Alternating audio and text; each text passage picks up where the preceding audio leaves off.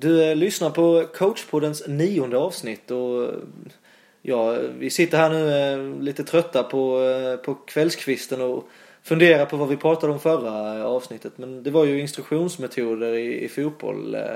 Det, blev ett ganska bra avsnitt ändå, i alla fall för nörden kan man ju säga. Alltså, eller vad säger du Rasmus? Jo, jag tycker det blir jättebra avsnitt. Eh, vi eh, diskuterar diskuterade ju som sagt instruktionsmetoderna och vi tar upp många olika delar i det. Eh, både för och nackdelar. Vilket jag tycker är viktigt. Så man inte spårar in i, i ett tankesätt utan man, man öppnar upp sig för, för både negativa och positiva delar med alla, alla metoderna. Vi har ju nämnt honom alldeles för mycket i den här podcasten, Jakob Lennartsson. Men han sa lite som jag, alltså, att det var ett avsnitt för nörden. Alltså den som tränaren som är riktigt intresserad av de minsta detaljerna. Där, då ska man lyssna på avsnitt 8 coachpodden. Är det inte så? Vi var ju rätt djupa i våra diskussioner. Jo, men det, det tycker jag. Det är kanske inte för den som precis har eh, kommit in i tränaryrket utan det är nog den som har varit med lite längre och, och vill utveckla sig ett steg längre. Ja. Ja, vad tycker du? Ska vi, eh, vi kör igång det nionde avsnittet? Vi drar igång nu.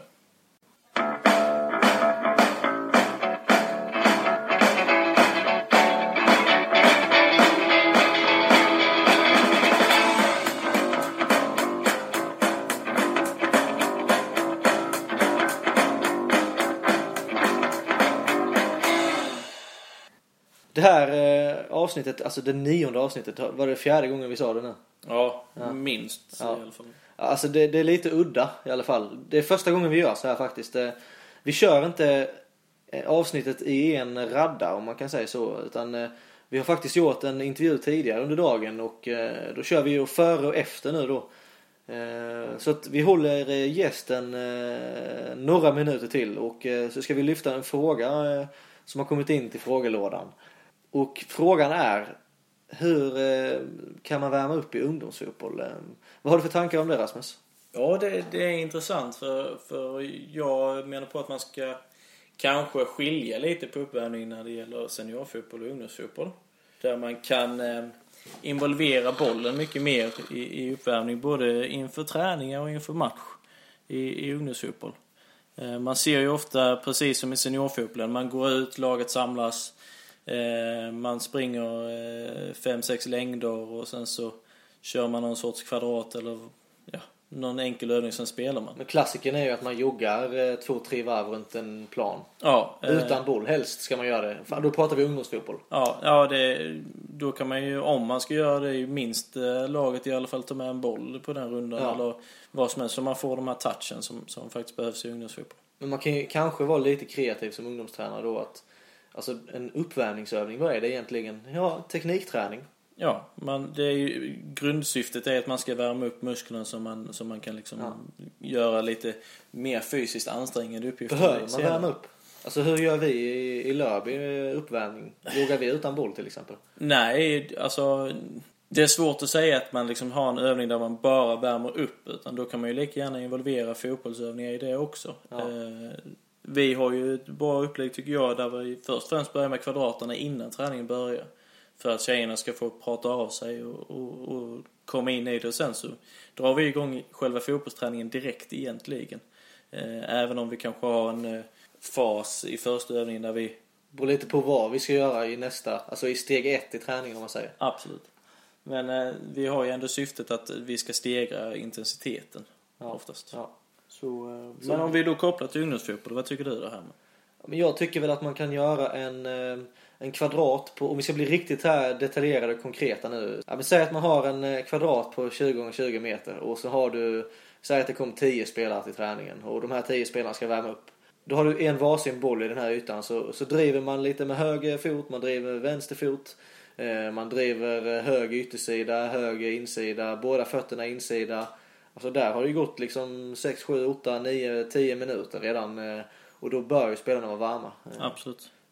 Jag har läst någonstans att eh, ungefär 13 minuter, efter 13 minuters aktivitet i låg eller mellan, mellantempo någonstans så är kroppen varm. Sen har jag, jag kan inte gå ut med att säga var jag har läst det men jag har läst det någonstans. Mm.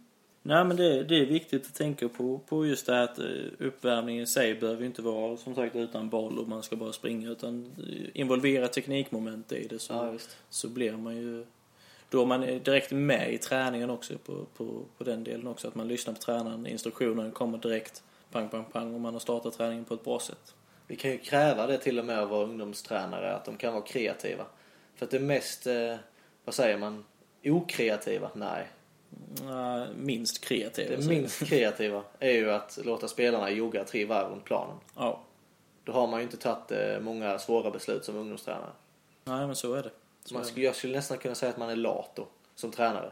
Då ger man ju inte spelarna någonting egentligen. Nej men det, det ger ju också intrycket av att en, att en tränare är oplanerad i Ja. sitt sätt utförande. Komma till träningen, ja, jag kör igång, eh, spring tre varv så hinner jag planera träningen. Det är lite den känslan man Ja, får. jag har haft en sån tränare.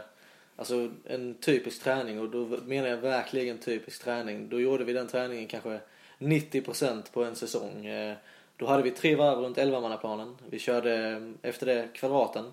Eller tvärtom var det faktiskt. Vi började med kvadraten, sen sprang vi tre varv. Sen gjorde vi någon typ av fys och då hade vi alltid armhävningar, situps, eh, upphopp. Och sen så spelade vi. Och då redan på måndag träningen när vi hade tränat tre dagar i veckan så skrev vår tränare upp laguppställningen till, till eh, helgen då. Trots att vi inte tränade någonting taktiskt utan det var alltid samma upplägg på träningen. Ja, nej alltså det, det, det har väl kanske någon fördel, men jag kommer inte på det. Men det är ju väldigt mycket, du tråkar ut spelarna. Ja. Eh, De vet vad som ska hända och det, det blir monotont vilket gör att spelarna vill inte fortsätta spela fotboll för de, de tappar sug för att spela fotboll först, först och främst. Det är ju, tycker jag. Så det viktiga här blir ju variationen också. Ja. Så att vi, vi säger ju inte att du aldrig får eh, springa två varv runt en plan. Nej, nej absolut inte. Utan, Men inte varje träning. Nej, utan varierade så, så spelarna hela tiden får, får utmanas. Ja. Eh, Jag körde till exempel ett tag i vintras lite koordinationsövningar. Ja. Eh, som de också tyckte var helt nytt för dem egentligen. Ja, de har inte kört mycket koordination innan. Nej, nej. Och det blev en rolig grej av det också för att Ja. de fick utmana sig själva. Skratta lite åt varandra. Ja, exakt. Så det blev en bra stämning av det också. Ja. Ja, ehm, så sammanfattningsvis här i frågelådan. ehm, Teknik. Eh, En övning med ganska hög aktivitet. ehm, Mycket bolltouch. Det är väl det, är väl det vi ska föredra. Och framförallt om man frågar Ola Larsson från eh, Digitala Fotbollsakademin. En av våra mest trogna lyssnare får man ju säga. Ja, absolut. Ehm, och Vi tackar ju såklart för eh, din feedback eh, till vårt eh, avsnitt 7 med Jonas Holmgren som vi för övrigt kan rekommendera. Om man nu gör så att man rekommenderar sin egen podcast i, i podden. Ja, det måste vi väl göra. ja vi, vi går vidare och som sagt så var ju det här avsnittet lite, lite udda jämfört med de andra så vi släpper över till eh, dagens eh, intervju med eh, Sven-Olof Bergman från Blekinge fotbollsförbund. Ja, det här är coachpodden och vi har en gäst och gästen heter Sven-Olof Bergman och går under smeknamnet Berka. Välkommen till coachpodden Berka. Tack så mycket, trevligt. Vi brukar köra en faktaruta i vår podcast och den börjar med din ålder. Min ålder är för tillfället 52 år, född 1962. Utbildning. Privat har jag gymnasieutbildning, jag har eh, fritidsledar, idrottsledarutbildning. Fotbollstränarutbildning. Jag har upp till avancerad eh, utbildning. Familj. Ja, sambo, ett barn. Sysselsättning. Jag jobbar som kanslist på Blekinge fotbollsförbundet för tillfället. Ditt eh, favoritlag? Var? Sverige, Norge, Danmark eller för... Ja, överhuvudtaget. Ja, nu när inte Mjällby ligger i Allsvenskan så håller jag på IFK Norrköping där och eh, har väl ett litet öga för FC Barcelona. Ja, ja. Din eh, bakgrund i fotbollen. Eh, vad, eh, vad har du hållit på med? Ja, som du säger. Jag har spelat fotboll sen, eh, nästan sen jag kunde gå. Eh, började i eh, Olofströms IF som knattespelare. Gick över till BK Union på grund av att jag flyttade till Körkult. Och sen när jag var 17 så gick jag till Mjällby AIF och har spelat i IFK Norrköping tre år. Spelat i Mjällby sen eh, fram till 93 eller 94 till riktigt 100 där och sen har jag varit spelande tränare i Jämshög och haft tränare Eh, var tränare för Trolle Ljungby IF och Näsums IF och sen var jag fyra år till i, i eh, Jämshögs IF. Mm. Och därefter har jag nu då varit spelarutbildare i, inne på åttonde året i Blekinge fotbollsförbund. Vad skulle du säga är de största skillnaderna från förr till idag? Alltså under din aktiva speltid till eh, de sista åren du var tränare. Hur skiljer upplägg och så vidare? Tittar man, tittar man på spelet så är hastigheten en stor skillnad. Eh, allting går mycket, mycket eh, snabbare. Jag tror man tränar mycket, mycket mer nu. Eller mycket mer, men ett antal pass mer. Det var inte så ofta vi hade dubbelpass, men vi var låg 6-7 pass i veckan ändå. Så visst var det mycket. Så upplägget där är väl mer, mer Innan min tid så var det kanske två, tre träningar i veckan och det var mycket spelträning hela tiden och mycket fys. Nu är det ju så mycket, man får in fystränare, specialtränare på alla delar så man delar upp det på ett annat sätt. Så att eh, staberna nu i alla lag är mycket större. Mm, mm.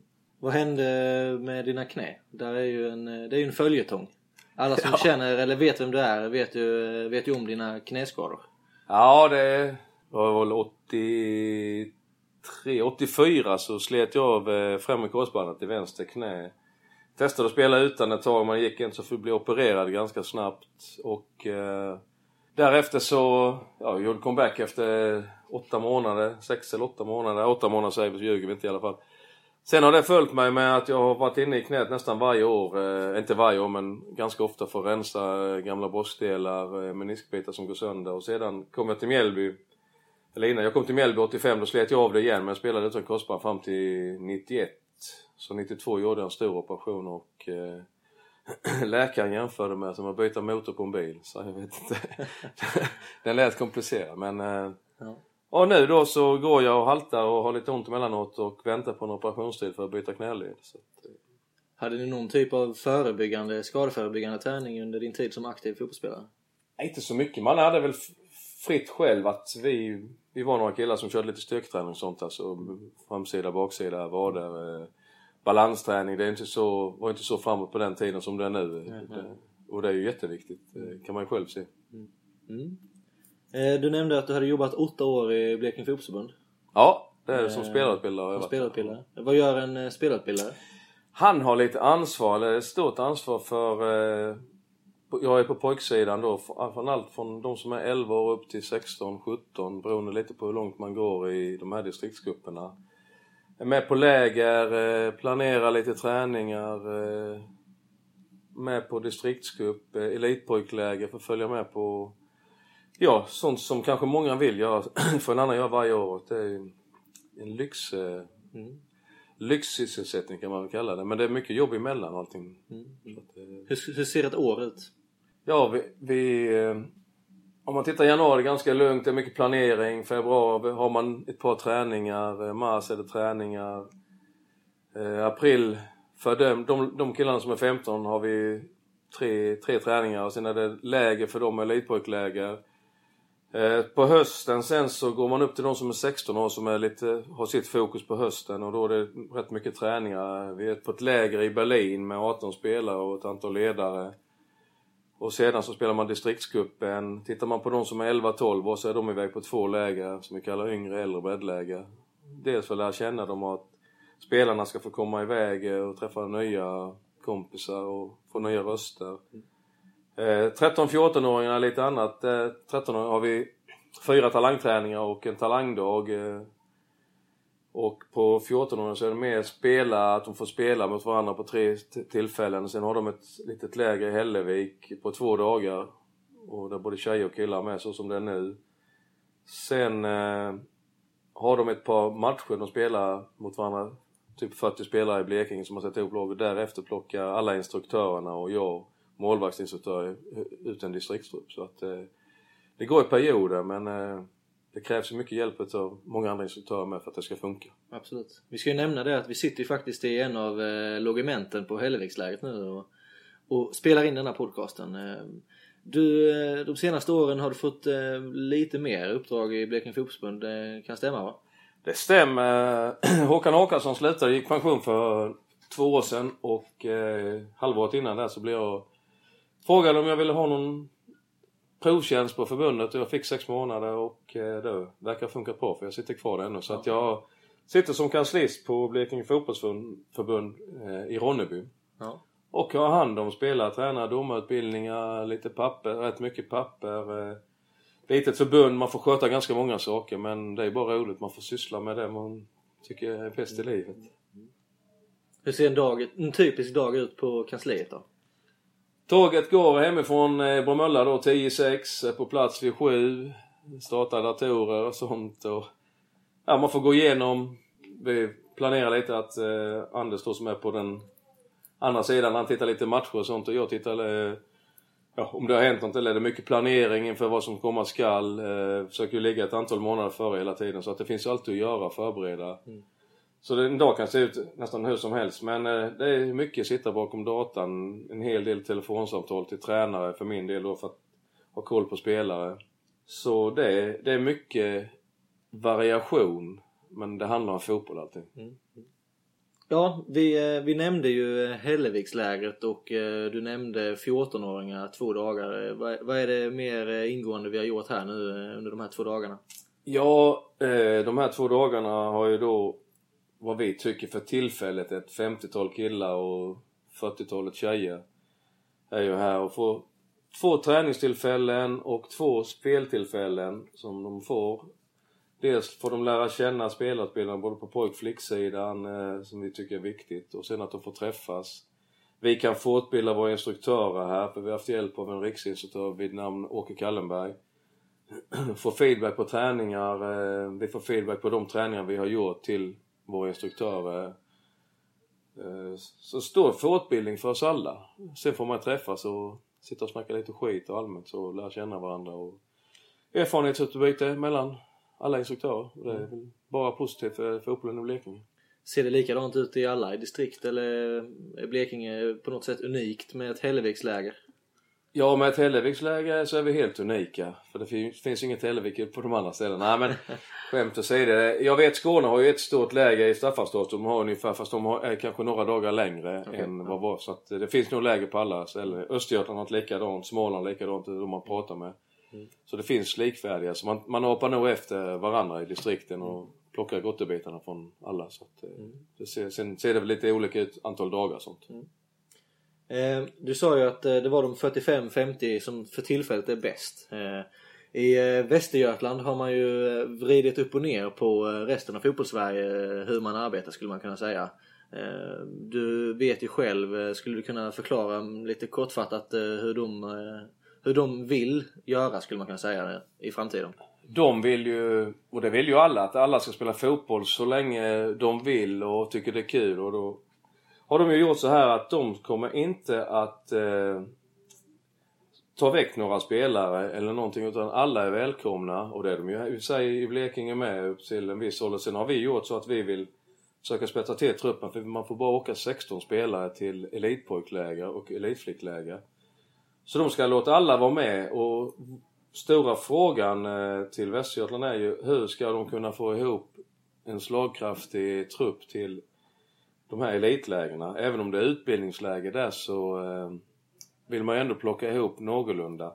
Sen vet jag att det diskuteras väldigt, väldigt hårt ute i distrikten att låta alla SEF-klubbar, tipselitklubbar, de som spelar i Allsvenskan och Superettan att inte ta med de spelarna utan ta med dem från breddverksamheten istället. Och det kan ju, då kan det vara en bra grej att kunna göra som de gör. Sen, det gäller ju att hitta något vettigt för att kunna få ihop det och så att alla känner sig vi kan, ju, vi kan ju nämna det att eh, de 14-åringarna som är här, eh, födda 01, de är ju uttagna till detta läget. Så är det ju. Ja. Eh, de har, vi har ju haft uttagningar, ja uttagningar är det ju. Så att, ja. och, men sen vet vi ju själva, detta är en semestertid och eh, det är säkert ett tiotal som är iväg. Ja. Och så att vi, här i Blekinge är det inte så många 14-åringar vi har utan... Eh, vi, kan... vi räknade lite på det igår och kom ju fram till ett hundratal Ja, det kan nog stämma. Så lite mindre än hälften är ju här. Ja. ja. Sen ser det ju värre kanske ut i andra distrikt men eh, vi försöker få så många som möjligt att kunna vara med här nere dels i Hällevik. För jag vet bara för några år sedan så var det inte mer än vad var vi då? 14 spelare plus må två målvakter i varje zon. Mm. Alltså gånger tre då. Nu är vi ändå uppe i... Vi har kallat hit 60 spelare så att... Eh, mm. Jag tycker det är viktigt att låta alla vara med så länge som möjligt. Sen får man kanske göra en liten selektering. Det är inte det bästa men... Eh... Vad, skulle, vad skulle vi gjort annorlunda då i Blekinge om vi skulle gått efter Västergötlands modell? Alltså just på detta läget tänker jag. Ja, då skulle man ju öppnat upp det för alla. Mm. Men sen för att eh, det, sen handlar det ju mycket om, finns det plats till alla? Alltså där man är i Hällevik. Ja. När ska man lägga det? Som vi sa innan, det är säkert ett tiotal killar. Fyra, fem tjejer som inte är på grund av att de är på semester och lite andra grejer som händer. Så hade det funnits plats till alla så hade man kanske kunnat öppna upp för allihop. Och låtit det vara som ett, ja, jag kallar det Hälleviksläge ändå. Mm. Det är någonting vi diskuterar i Blekinge-fotbollen också med våra kommittéer. Hur ska vi göra för att gå vidare? Mm. För att spelarna ska hålla på så länge, längre än att... Ja, för på något sätt så eh, Eh, min personliga åsikt då, nu har jag aldrig varit, jag var ju inte med i Blekinge under denna tiden själv. Så jag, men jag har varit med lite i Skånesidan. Alltså det blir ju lite att eh, de vi väljer ut här nu, hälften av Blekinges spelare, det är de Blekinge fotbollsförbund vill satsa på just nu. Det, det blir ju lite så även om vi säger att det är ett utbildningsläger så barnen, som det faktiskt är då ju, de upplever ju, jaha, då, då var jag körd liksom. Även om vi då säger att nej, men i höst har vi två eh, zonmatcher och då, då pratar vi med tränare och ni kommer kunna vara med men det blir ändå på något sätt att man väljer eh, de spelarna som vi tror kommer lyckas i fortsättningen. Eller vad, vad, vad blir din åsikt när jag säger så? Riktigt så är det ju inte för eh, tittar man på de som är här nu och kanske till de här matcherna vi har i höst bildar den första distriktstruppen men, och som har då en träning i november. Sen när har vi nästa i februari, där på de månaderna kommer det hända jättemycket med de här spelarna. Där är det viktigt att vi har dialog med alla tränarna för att det kan ju vara de som slutar av någon anledning, eh, vill satsa på något annat. De kanske håller på med flera idrotter. De ska ha chansen på allt möjligt men där, där är det ju öppet att komma tillbaks och visa att vi som har varit och tagit ut den här truppen då blivit fel och sen Men det rör ju sig om, att vi säger att vi har 50 spelare här idag då rör det sig om kanske 15 ytterligare. ja, Eh, De övriga sen, eh, de 25 spelarna som aldrig är i närheten, eh, de får ju aldrig den typen av utbildning. Alltså jag tänker att hur skulle man då kunna få med, nu pratade vi innan om att man skulle kunna öppna upp det för alla. Sen å andra sidan kanske man inte når alla ändå på grund av intresse för fotboll. Men eh, där blir ju ändå spelare som aldrig får vara med i sammanhanget. Ja, så är det ju. Men där, där, där, återigen är det jätteviktigt att instruktörer och tränare ute i klubbarna har en dialog med oss. Eh, behöver inte vara rädda eller tycka det är jobbigt att ringa till oss och tycka att vi gör fel eller vad det än är att de har en spelare där. Ja men absolut, vi får ju åka ut och titta på dem. Eh, sen är det lite upp till ledarna med när de är 13-14. Vi har ju instruktörsträffar med eh, alla de förklarar vad, hur vi har det i förbundet och alla är välkomna med 13-14. De har chansen att få den utbildningen där på ett visst antal tillfällen. Eh, kan ge dem motivation till och bli så bra som möjligt. Där har vi alla olika förutsättningar. Är det föräldrar som hör av sig? Det händer emellanåt. Jag tycker det är bara trevligt. Ja, Eh, ja. Framförallt eh, tränare. Det är bättre om tränare ringer. Men det, Ja. Det kan ju vara föräldratränare. Så Ja, absolut. och där då ska de inte vara blyga heller bara för att jag är Herman Ottossons pappa och ringer och talar om att han är jätteduktig. Utan det behöver inte Herman få reda på. Utan, Nej, nej. eh, eller pojken få reda på då. Utan ring och ta den dialogen. Så Mm. när tillfälle ges. Det kommer alltid finnas tillfällen där vi kan plocka in spelare hela, hela Absolut. tiden. Och sen är det faktiskt så att en del spelare vi kallar spelare som inte vill komma. Då får vi acceptera det också. Ja, det är ju på grund av intresse också såklart. A- absolut, men det är viktigt att man har dialogen. Mm. Kanske med spelaren, men framförallt med tränaren. Mm. Så tränaren pratar med spelaren och Mm. så vi håller en dialog på hela tiden. Alltså med alla de grejerna. Det kan vara kan ju vara vad för någonting som helst som gör att de inte vill vara med. Ja, Vi erbjuder ju många spelare i, i första läget, precis som du säger. Men jag ser ändå ett problem eh, med, eh, verksamheten och det är ju att spelarna, det enda de vill när de är 13, 14, 15 är att vara med i Blekingelaget. Och kommer man inte med, ja, då kanske man skiter i det. Men, men då är jag återigen, jag tycker det, det du säger med att ledare och föräldrar måste ju vara mycket bättre på att titta på de spelarna som lyckas. Alltså vi, vi, vi tog ett exempel igår till exempel. Åke Kallenberg lyfte ju Zlatan Ibrahimovic. Han var ju aldrig med i Skånelaget. Sådana exempel tror jag vi måste bli mycket bättre på att lyfta. För att det blir ju ett problem när vi har eh, nummer eh, 17, 18, 19, 20 som blir jättebesvikna och kanske till och med lägger av och spelar fotboll. Den kommunikationen tror jag, att vi, tror jag är jätteviktig och jag tror vi är för dåliga på det idag. Ja, men ja, för då Alltså jag vi. tänker från, led, le, inte från Blekinge fotbollsförbund utan från ledarna i föreningarna och föräldrar i tidigare skede. Att det är inte det viktigaste i sin fotbollsutbildning att komma med till Halmstadlägret. Det håller jag med dig helt om att eh, vi kanske inte är tydlig, riktigt, riktigt eh, tydliga där men vi eh, tycker det är viktigt att berätta för dem första träffen vi har att alla kommer inte med, det är bara 16 som får åka dit. Mm. Vi gör vårt bästa och sen förklarar vi för dem att de, utav de 384 som är på det läget, alla kan inte bli elitspelare. Nej. Det finns föreningar där man kan spela fotboll ändå i. Och de, vi måste ju föra till division 1, 2, 3, 4, 5. Så långt det finns. Så att alla, de, vi är tydliga och bara... Man kan ju ta jättemånga exempel för att de som har varit på elitpojkläget eh, och blir elitspelare så är det mer som inte har varit på elitpojkläget som har lyckats bli eh, elitspelare. Mm. Jag har ett annat eh, exempel. Eh, vad heter han? André, nej, Jägler. Christian Christian Jägler. Han eh, ansvarig tränare för Ängelholm. Han var inte med på elitpojkläget. Han har spelat, jag vet inte hur många allsvenska matcher, varit professionell Var, eh, Christian Chippen Wilhelmsson med? i Blekinge. Patrik Rosengren, tränare i Mjällby nu. Mattias Asper? Var han med? Nej, jag tror inte. Nej. Tror inte. Så att eh, det finns jättemånga exempel som har tagit klivet och eh, Men det är ju svårt för en 13-14-åring att inse det. Eller absolut. Men, förstå det. men kan man prata med dem om det ofta och kanske till och med här i Lilla Blekinge man bjuder hit Chippen eller Christian Wilhelmsson, visst. Mattias Asper. Det hade ju gett tyngd tror jag. Tror jag med. Så, eh, Det är sådana grejer vi, vi försöker faktiskt få dit någon Ja. spelare. Till och med de som har lyckats. Alltså någon sån här som har varit i något landslag och fått spela. Det är några som får göra landskamp i Blekinge. Och det är jätteroligt. Man kan ta dit dem också så de, när de med sin lilla erfarenhet får berätta lite hur tufft det har varit kanske vissa grejer och kanske inte har varit med på elitpojkläget. Eh, nu tror jag de som har gjort de sista gångerna har varit där men att hur jobbigt, alltså det är tufft att ta sig hela vägen och fast det viktigaste det går ut på är att de har skoj och roligt. Absolut. Så eh, sammanfattningsvis här då Berka vill vi ju gå ut med en uppmaning till eh, våra ungdomsledare i Blekinge och alla föräldrar att prata med era fotbollsspelande barn och ungdomar om att eh, ni kan lyckas även om ni inte lyckas komma med i eh, zonläger och Blekingelag och distriktslag och elitpojkläger.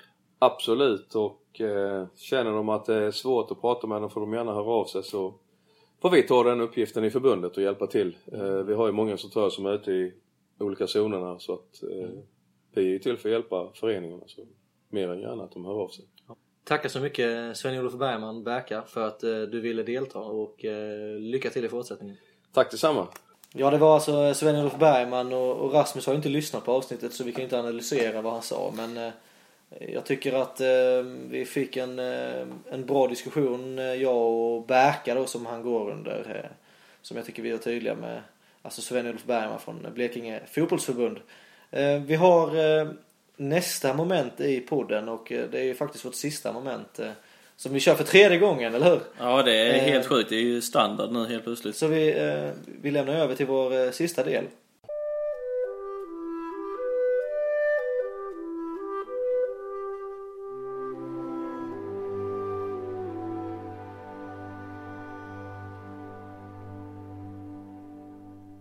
Hatten. Hatten! Hatten. Hatten!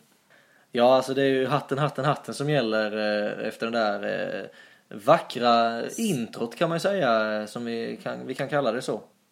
Vad tycker du om eh, vår lilla, vår lilla extra jingel där, Rasmus? Ja, det är ju helt suveränt hur du har gjort, hur du har gjort det där. Eh, med våra underbara sångröster. Oh ja. ja. Jag tycker jag är nöjd faktiskt. Om man ska vara ödmjuk. Men om vi går tillbaka till förra veckans Hatten, hatten, hatten. eh, så Ja, eh, drog du lapp först, eller hur var det? Mm, ja, det vet jag inte. Men jag kan ju ändå... Du. Jag drog ju Philippe John William Coquy som han faktiskt heter. Eh, tränar i PSV Eindhoven som jag sa. Eh, visste att han hade spelat i Barcelona. En, en kul kuriosa om det är ju faktiskt att när han gick till PSV 2004 när han hade varit i Barcelona mellan 98 och 2004 så var han faktiskt den utländska spelare med mest ligamatcher för Barcelona. Eh, Och under sin period så var han faktiskt kapten för, för klubben också. Så att han spelar ju en väldigt central roll i, i Barcelona under sin spelarkarriär. Vi nämnde väl eh, att han var med mot AIK där eh, Ja, det måste han ju varit. tidigt 2000-tal. Eh, Det måste han ju ha varit. Dessutom så var han känd för att han eh, var först och främst den defensiva mittfältaren som eh, hade en liten playmaker-roll. Men att han eh, också var känd för att eh, både spela eh, mittback, eh, ytterback och till och med forward emellanåt. Så Oj. att han var ju en väldigt Allround. mångsidig spelare. Jag sa versatile i förra avsnittet Ah, tror jag. ah. Mångsidig kom jag på nu. pratar vi svenska. Ja, mångsidig spelare. Eh, och sen 2012 tog han över som caretaker i, i PSV innan han 2013 blev ordinarie manager. Så där har ni lite mer information om Philippe Coquy. Bara en fråga som dök upp i mitt huvud där. När du har varit en mångsidig eh, spelare, har du fördel av det som tränare kanske? Eh, jag, jag vill gärna tro det. Eh, Kan man, eh, alltså, vad skulle man kalla det, förhålla sig eller nej, Ja, jag- känna igen sig i olika, Ja, i fler jag- situationer kanske? jag, jag tror det. Sen samtidigt så kanske man eh, inte blir eh, expert inom ett område. Nej, utan man, man, man vet mycket om lite istället Ja. för eh, Det är som vi ungefär. lite om mycket menar jag.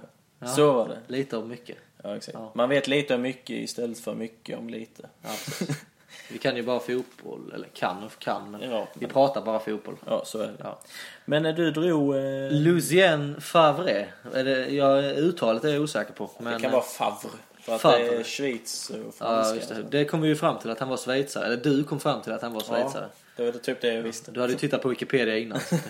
det- var bara fusk.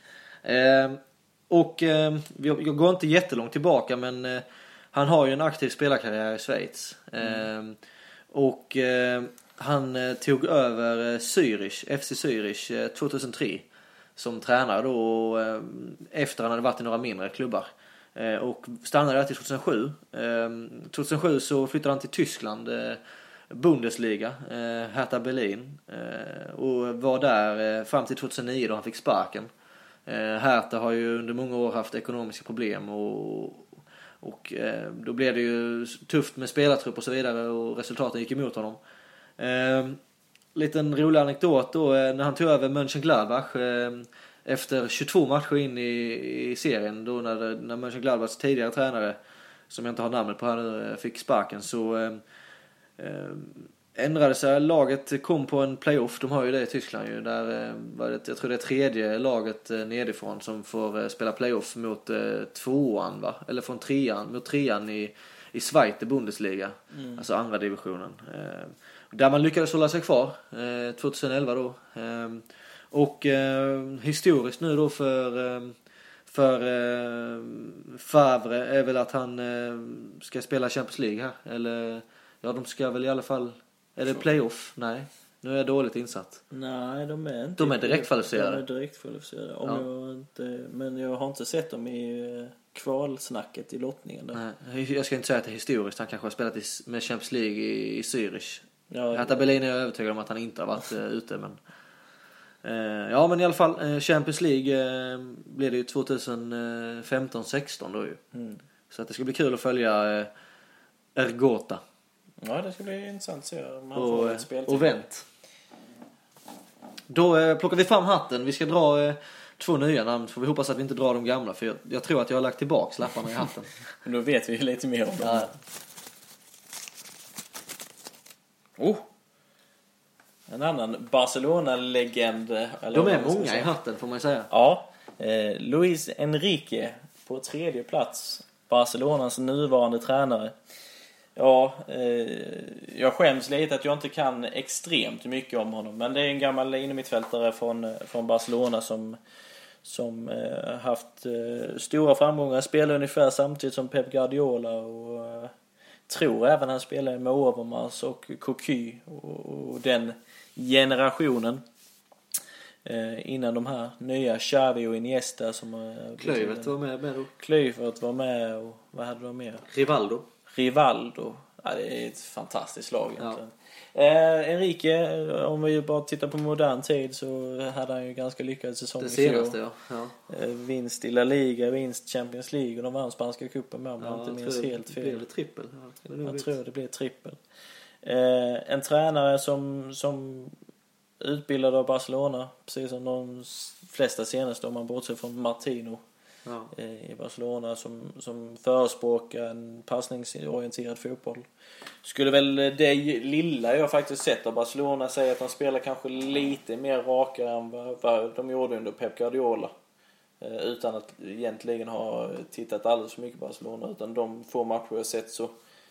Men med den fronttrion med Messi, Suarez och Neymar så så går det ju att variera spelet. Man har väl haft en tydlig progression i alla fall tycker jag från Guardiola och sen, eh, vad var han hette nu? Martino. Martino eh, och sedan då Luis Enrique. Att man har blivit rakare och rakare och framförallt under Luis Enrique så behärskar man ju båda spelsätten. Ja, Det är därför, det är det. Och sen plus då som du säger, eh, topptrion där fram är ju svårslagen. ja det, det, det är nog inte många klubbar i världen som slår dem, det är ens någon. Nej. Men eh, lite mer bakgrund och anekdoter eh, fixar vi till nästa vecka. Ja, det får vi göra för jag är faktiskt eh, tråkigt nog lite för dålig. Jag har i sig, han måste ju varit med i Uefa-cupen mot Liverpool 2001. Det är så. Jag tror det när, där jag Det har är klart du kan det då. Anekdot om Pep Guardiola från den matchen. Det är ju en eh, sekvens efter matchen när eh, Barcelona blev utslagna i Sevien, tror jag det var. När sti- unge Steven Gerrard ska gå fram till Guardiola och eh, tacka för matchen. Guardiola är så för, ledsen så att han tittar inte ens Gerrard i ögonen. Så det, det, är, det är en bild som jag kommer ihåg från, från mina unga år. Jag var ju bara nio år gammal då. Så. Det var då du hittade din kärlek med andra. Ja, Ja, men jag drar en, eh, en ny lapp då. Ska vi se. jag har riggat denna gången också. Är det riggat? Ja, det var det. Jag drog eh, nummer ett på listan igen. José Mourinho. Ska vi köra han igen? Nej, nej. det kan vi inte göra. Vi får slänga de lapparna nu. Ehm. Oj. Oj, oj, oj, oj, oj. Den är ju... Den är svår. Ja, jag drog alltså nummer 20 och vi ska ju nämna att det är 442s eh, lista på de 50, de har rankat de 50 bästa tränarna enligt dem då. Eh, Det är den, eh, det är den, de topp 20 har vi i hatten, ska vi säga. Och då fick vi alltså nummer 20 nu, Marcelinho. Och vad vet vi om honom? Jag ska säga att jag vet eh, ingenting. Nej, Marcelinho, alltså frågan är vi- vilken av dem det är. Jag, jag har hört namnet innan, men Ja. jag kan inte placera honom eh, om det är en span... Är inte spanjor? Jag vet inte. Kan det vara typ Villarreal? Eller Villarreal säger man va? Ja, för jag, jag vet att Marcelinho, det finns någon Marcelinho som har tränat Real Betis innan. Ja. Men jag vet inte om det är samma snubbe. Nej. Ja, det är ju helt uppenbart att vi får eh, Kolla upp, kolla upp det till nästa vecka. Kanske Jonas Bjurbrandt vet vem det är. Ja. Han eh, sa ju att han hade så bra koll på... Ja, han hade i alla fall koll på Favre. ja, ja. ja. Han, tror han, han tror han kan så mycket. Ja. Eh, men eh, ja, det har varit ett litet annorlunda avsnitt. Eh, vi har klippt in en intervju. Eh, vi tackar Berka och Blekinge Fotbollsförbund för att han fick och ville vara med. Han tog det egna beslutet såklart. Eh, men ja, vi, vi jobbar ju faktiskt för att hitta tid nu för att eh, få in ihop våra avsnitt. Vi har ju eh, många tänkta gäster och många ämnen eh, men eh, vi ska få ihop våra eh, sommarjobb och så här så att det kan komma lite hipp som happ eh, avsnitten men eh, vi lovar att leverera avsnitt i alla fall. Ja, absolut. Även om det kanske blir som sagt lite olika tider. Kanske inte alltid måndagar och tisdagar som det har varit nu. Nej, precis. Och sen har jag en fråga här. Men hur psyched är du för att Premier League drar igång till helgen? Det ska bli riktigt roligt. Jag kommer sitta bänkad på lördag kväll 18.30 eh, Chelsea-Swansea. Ja, ja. När sitter på- du bänkad? Ja, jag får ju skynda mig hem till andra halvlek på söndag när eh, vi gästar Stoke på Britannia Stadium. Jag hoppas absolut inte på en repris från förra årets sista Ja, vad blev det där nu? 6-1 till Stoke. Ja, just det. Jag såg inte matchen och det är jag glad för. Ja, du kanske inte ska titta på denna heller. Nej. Då kan jag hoppas att Benteke han eh, levererar igen. Ja. Med det går vi ut och eh, vi tackar för att du har lyssnat. Ehm, Ni följer oss på coachpodden.se, vår hemsida. Ni hittar oss på Twitter under namnet coachpodden. Ni hittar oss också på Facebook eh, under samma namn, alltså coachpodden. Glöm inte att ställa frågor till frågelådan. Vi tycker det har varit lite få frågor. Ja. Så har ni några undringar så är det bara att skriva till oss på antingen Facebook eller Twitter eller kanske till och med kommentera på hemsidan. Eh, Vi har ju fått lite hjälp med hatten. Vi har fått lite länkar. Eh, Nu fick vi ju någonting på Favre. Mm. Eh, Där får ni gärna fortsätta och, och länka och så om ni har artiklar, texter och annat kul. Och det får ni gärna göra till frågelådan också. Om- Det behöver ju inte vara ett ämne just du funderar kring. Det kan ju vara någonting du känner att ja, men det här är bra för alla tränare att, att få reda på eller att liksom reflektera över. Då kanske man till och med sitter på en, en artikel eller en bok eller någonting. Så kan vi också eh, lära oss någonting. Det, det är lite det som är halva grejen med coachpodden. Vi lär oss allihopa. Absolut. Vad säger du Rasmus? Vi, vi tackar väl för oss för eh, denna veckan. Ja, så får vi hoppas att solen stannar uppe eh, resten av sommaren. Ja, resten som det är väl snart över. ja, exakt. Ja, tack och hej! Ha det gott!